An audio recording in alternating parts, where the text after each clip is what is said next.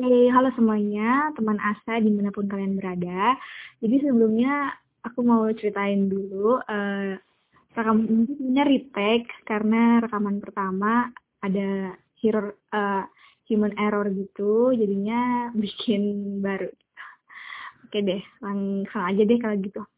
Nah, sekarang di podcast kali ini kita bakal ngobrol bersama seseorang yang keren banget, tapi kayaknya nggak usah aku deskripsikan sendiri. Mending dari kakaknya sendiri aja deh.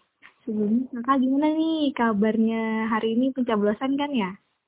Iya, halo. Uh, kenalin, aku Triani. Aku uh, mahasiswa sekarang di Departemen Ilmu Ekonomi FEB UGM gitu. Ya hari ini baru, aduh suaranya berisik nggak? Enggak kan ya? Gak apa-apa, uh, bentar-bentar doang gitu. Iya gimana? Oh iya, uh, ya sekarang habis hari ini habis nyoblos. Tadi pagi sih. Hmm, berarti udah nyoblos ya? Iya udah nyoblos. Oke, Katriani tadi ke apa namanya? Kuliah di mana? Uh, aku kuliah di Departemen Ilmu Ekonomi, hmm. Fakultas Ekonomika dan Bisnis Universitas Gajah Mada. Oke, kan sekarang lagi sekolah dari rumah gini, kalau boleh tahu kesibukan Katriani sekarang apa kalau di masa-masa kayak gini? Uh, ini aku sekarang lagi uas minggu-minggu uas ya gitu. Jadi hmm. paling sekarang kalau sekarang sibuk mempersiapkan uasnya gitu. Oke oke oke. Oh tadi kan uh, kuliahnya di UGM nih. Tapi udah pernah ke Jogja belum atau masih stay terus di rumah? Selama uh, sejak diterima di UGM sampai sekarang itu aku belum pernah ke Jogja sama sekali. Pernahnya ke UGM tuh waktu sebelum diterima malah ya. Lomba gitu ya? Iya. Wah, tapi keren ya, maksudnya belum belum kuliah di sana udah bisa menginjakan kaki gitu di UGM. Alhamdulillah.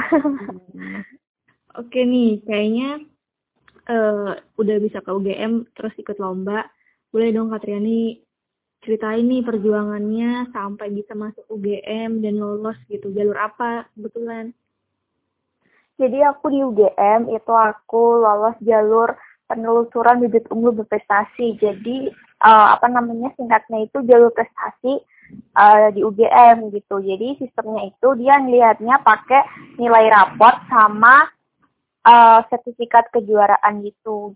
Jadi hampir sama kayak SNM, cuma hmm. ini yang ngadain UGM sendiri dan kita ada biaya pendaftaran gitu. Kalau SNM kan gratis tuh yang uh, apa namanya nggak ada biaya pendaftaran gitu.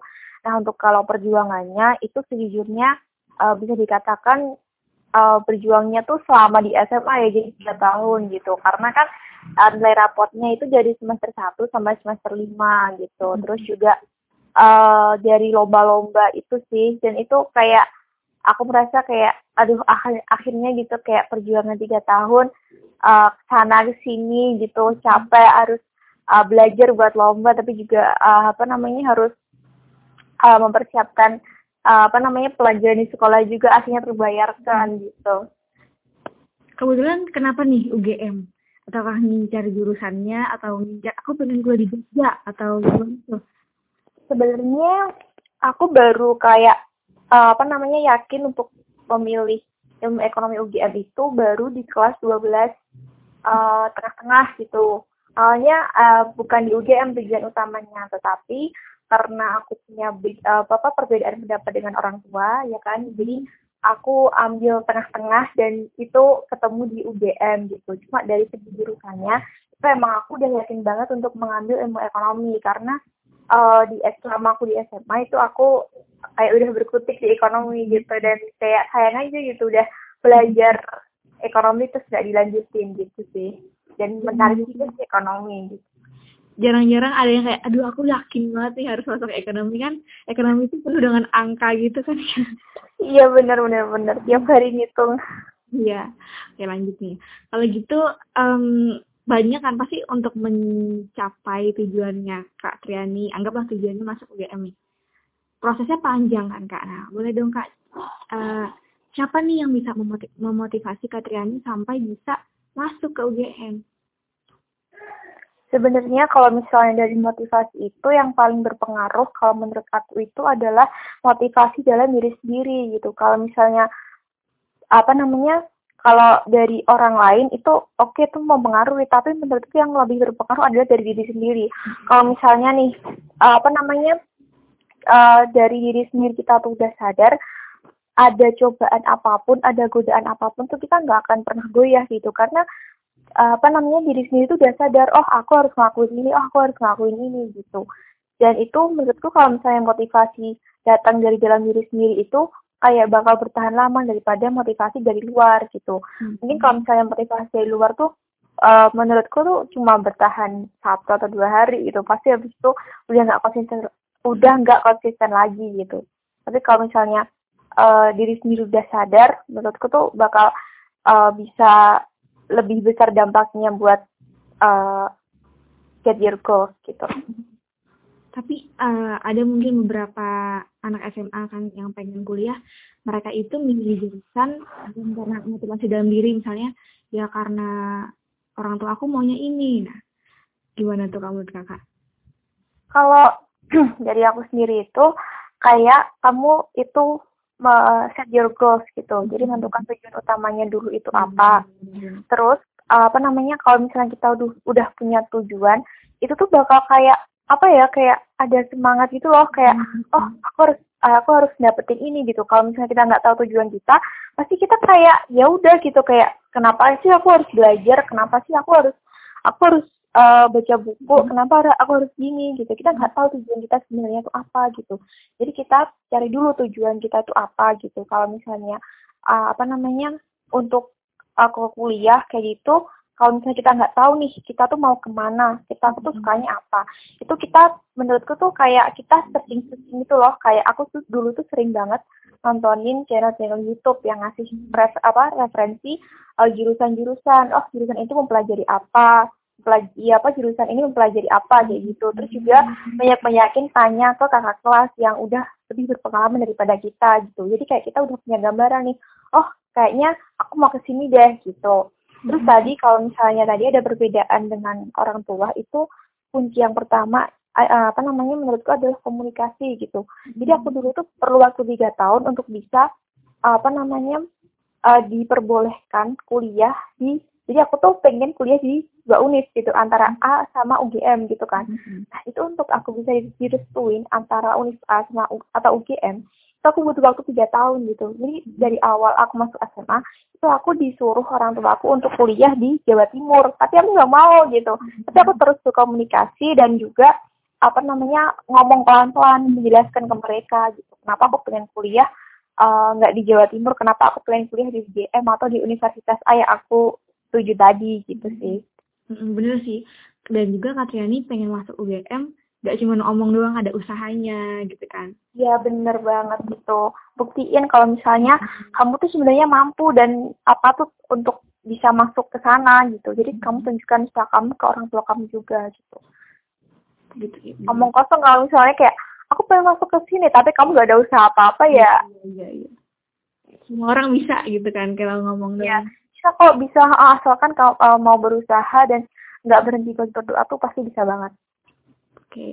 berarti uh, bener ya uh, pada intinya tuh kunci dari kita bisa semangat tuh diri sendiri dulu baru mungkin orang lain tersekunder. Iya. Ya. Nah, tadi kayaknya Katriani sangat menggugu banget nih menceritakan pengalamannya. Tapi Katriani pernah nggak lo motivation kayak, duh udah nggak mungkin kayaknya nih udah capek banget gitu berjuang gitu. Iya, yang pasti tuh sering banget gitu kan kita demot gitu kayak males mau ngapa-ngapain, capek gitu kan. Cuma kembali lagi sih kayak uh, aku ingat tujuan awal tadi itu apa gitu. Kalau misalnya nanti apa ingat tujuan awal tadi tuh pasti kita bakal kembali uh, kayak oh oke okay, gitu. Dan kalau misalnya aku itu apa namanya lagi uh, apa demot kayak gitu, aku banyak banyakin video uh, nonton video di YouTube tentang uh, apa namanya motivasi gitu. Aku bisa hmm. nonton channel satu persen atau kalau enggak menjadi manusia itu kan banyak banget tuh. Mm-hmm. yang kayak kita aku sering gitu terus juga kayak nonton video-video uh, influencer-influencer pendidikan yang sering banget kan kasih motivasi kayak gitu. Itu aku untuk bisa mendorong semangatku gitu. Jadi aku usaha biar enggak demo tadi gitu. Dan juga uh, kalau misalnya lagi demo tuh ya nggak apa-apa sih. Kalau misalnya kalian nggak salah lelah tuh ya udah istirahat dulu gitu. Kalian berhenti sejenak terus lagi nanti kalau misalnya udah rasa udah refresh gitu kalian balik lagi gitu Iya bener sih. Kita perlu mungkin di situ kita capek, bukan banget sih ya capek. Terus me time dulu mungkin. Iya benar-benar. Kalau aku dulu tuh uh, kalau misalnya waktu semester 2 kan itu kan meskipun udah daftar SNM sama jalur PBU itu kan nggak tahu kan keterima atau enggak pasti hmm. belajar buat SBM dan belajar SBM tuh seru banget gitu kan materinya banyak banget itu aku kalau misalnya lagi capek itu uh, dan apa namanya aktivitas rutin aku sebelum belajar adalah nonton uh, after movie PPSM UGM gitu. Aku kayak hmm. kalau saya nonton kayak gitu tuh kayak hmm. oh, kalau saya aku nggak belajar aku nggak bakal bisa ikutan PPSM di tahun depan hmm. gitu. Ya double double gitu ya saya uh, deg-degan nungguin jawaban terus harus tetap belajar juga gitu. Iya iya benar keren sih bisa memanage diri dan terus aduh keren banget. Belum belum uh, closing statementnya nih kak. Gimana ya. Uh, boleh dong kak Katriani itu ngasih tips untuk teman-teman asa yang lainnya gimana cara agar kita terus termotivasi terus terus bisa semangat untuk menggapai tujuan kita? Uh, kalau misalnya uh, untuk terus termotivasi itu menurutku kalian harus bisa menemukan tujuan kalian tuh apa gitu kalau dan kalian tuh jangan pernah berhenti untuk bermimpi gitu. Kayak jangan takut kalau misalnya oh, aku pengen gini aku pengen gitu gitu. Itu nggak apa-apa gitu. Uh, mimpi kan gratis tuh. Nah mimpi aja setinggi mungkin gitu. Kalau misalnya kalian udah punya mimpi udah punya tujuan itu kalian bakal kayak ke trigger buat oh uh, kalian harus ngelakuin apa sih buat mendapatkan itu? gitu. Jadi yang paling penting adalah kalian temuin dulu tujuan kalian uh, set your goals itu sih yang paling utama terus kalau misalnya um, gak ada yang ngedukung harus tetap semangat dong kayak ya? apa gimana? Nggak denger. Terus misalnya uh, semua orang tuh kayak me, apa ya kayak gak mungkin deh Triana kamu gitu. Terus gimana tuh sikap kita kak? Oh iya. Kalau misalnya ada orang kayak gitu tuh kayak ya udah tuh apa namanya diem aja gitu. Kalau aku tuh tipe orang yang kayak kalau dia apa itu kayak diem gitu kak ya udah hmm. biarin aja gitu yang penting kita fokus sama diri kita sendiri malah jadikan hmm. hal itu tuh kayak motivasi buat kita gitu kayak buktiin kepada mereka kalau misalnya omongan mereka tuh salah gitu loh hmm. kayak uh, kita tuh lebih baik daripada apa yang dia omongin sama mereka gitu sih keren ya udah aja gitu iya, iya. oke Dewa sebenarnya Oke, okay, aku tadi penasaran sih sama tadi apa beasiswa tadi kak? Gimana? Aja ngejelasin sedikit. Mungkin teman-teman asa ada yang penasaran nih gimana sih uh, proses beasiswa uh, kakak tadi itu? Apa sih tadi sistemnya? Gimana kak? Aku kurang oh. denger jalur masuknya ya? Ah, jalur masuknya. Maaf. Oh iya, jadi di UGM itu ada jalur masuk itu ini emang jalurnya itu jarang orang yang tahu gitu. Bahkan teman-teman seangkatan aku aja tuh nggak tahu nih jalur apa gitu. Hmm. Jadi kalau misalnya kayak gini, saran aku buat kelas 12 tuh kayak uh, apa namanya sering-sering cari informasi karena banyak banget jalur yang sebenarnya tuh peluangnya gede banget karena jarang orang yang tahu gitu. Hmm. Jadi di UGM itu jalurnya ada jalur SBMPTN yang tes itu, kemudian ada jalur SNMPTN yang pakai nilai rapot dan kemudian jalur mandiri. Nah, jalur mandiri itu macam-macam.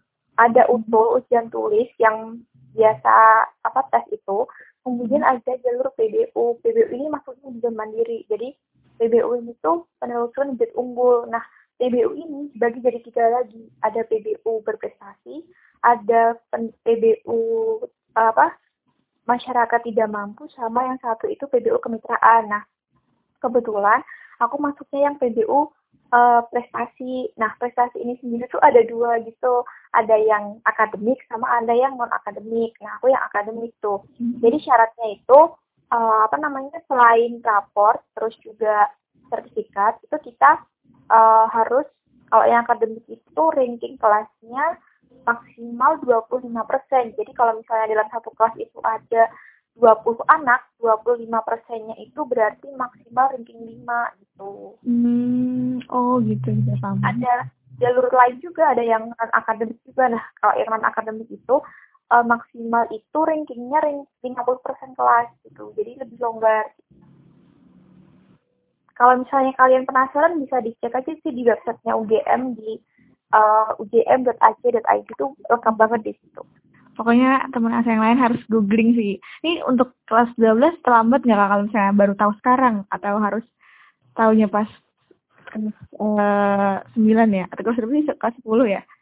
Itu rapotnya enggak kok karena ini tuh jalurnya tuh nggak menentu gitu loh. Kalau kadang tuh uh, jalur ini dibuka setelah UTBK kadang sebelum UTBK nah hmm. uh, jadi kayak harus sering-sering cek hmm. infonya gitu kalau di tahun 2019 dulu itu jalurnya itu setelah UTBK jadi harus pakai nilai UTBK nah pas tahunku itu malah uh, bareng apa hampir bersamaan sama SNM jadi nggak pakai nilai UTBK kayak gitu jadi harus itu sih banyak-banyakin searching dan update uh, gitu. kelas 10 sama kelas 11 tuh nggak apa-apa banget.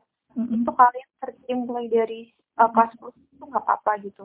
Aku dulu tuh semenjak masuk SMA, kalau misalnya aku lagi gabut, itu aku sering banget searching-searching kayak gitu. Mm-hmm. Kayak jelajahi apa websitenya univ kayak gitu, kayak aku lihat, oh jalur masuknya apa, kayak gitu sih. Dan banyak-banyakin nanya mm-hmm. ke kakak kelas gitu. Jadi ketika kalian nanti kelas 12 tuh kayak nggak kaget gitu, kayak kalian udah punya gambaran keren sih gabutnya tuh searching yang bermanfaat kayak gitu karena kayak aku penasaran juga gitu loh jadi kayak kalau saya penasaran tuh kayak aku bakal searching gitu mm-hmm.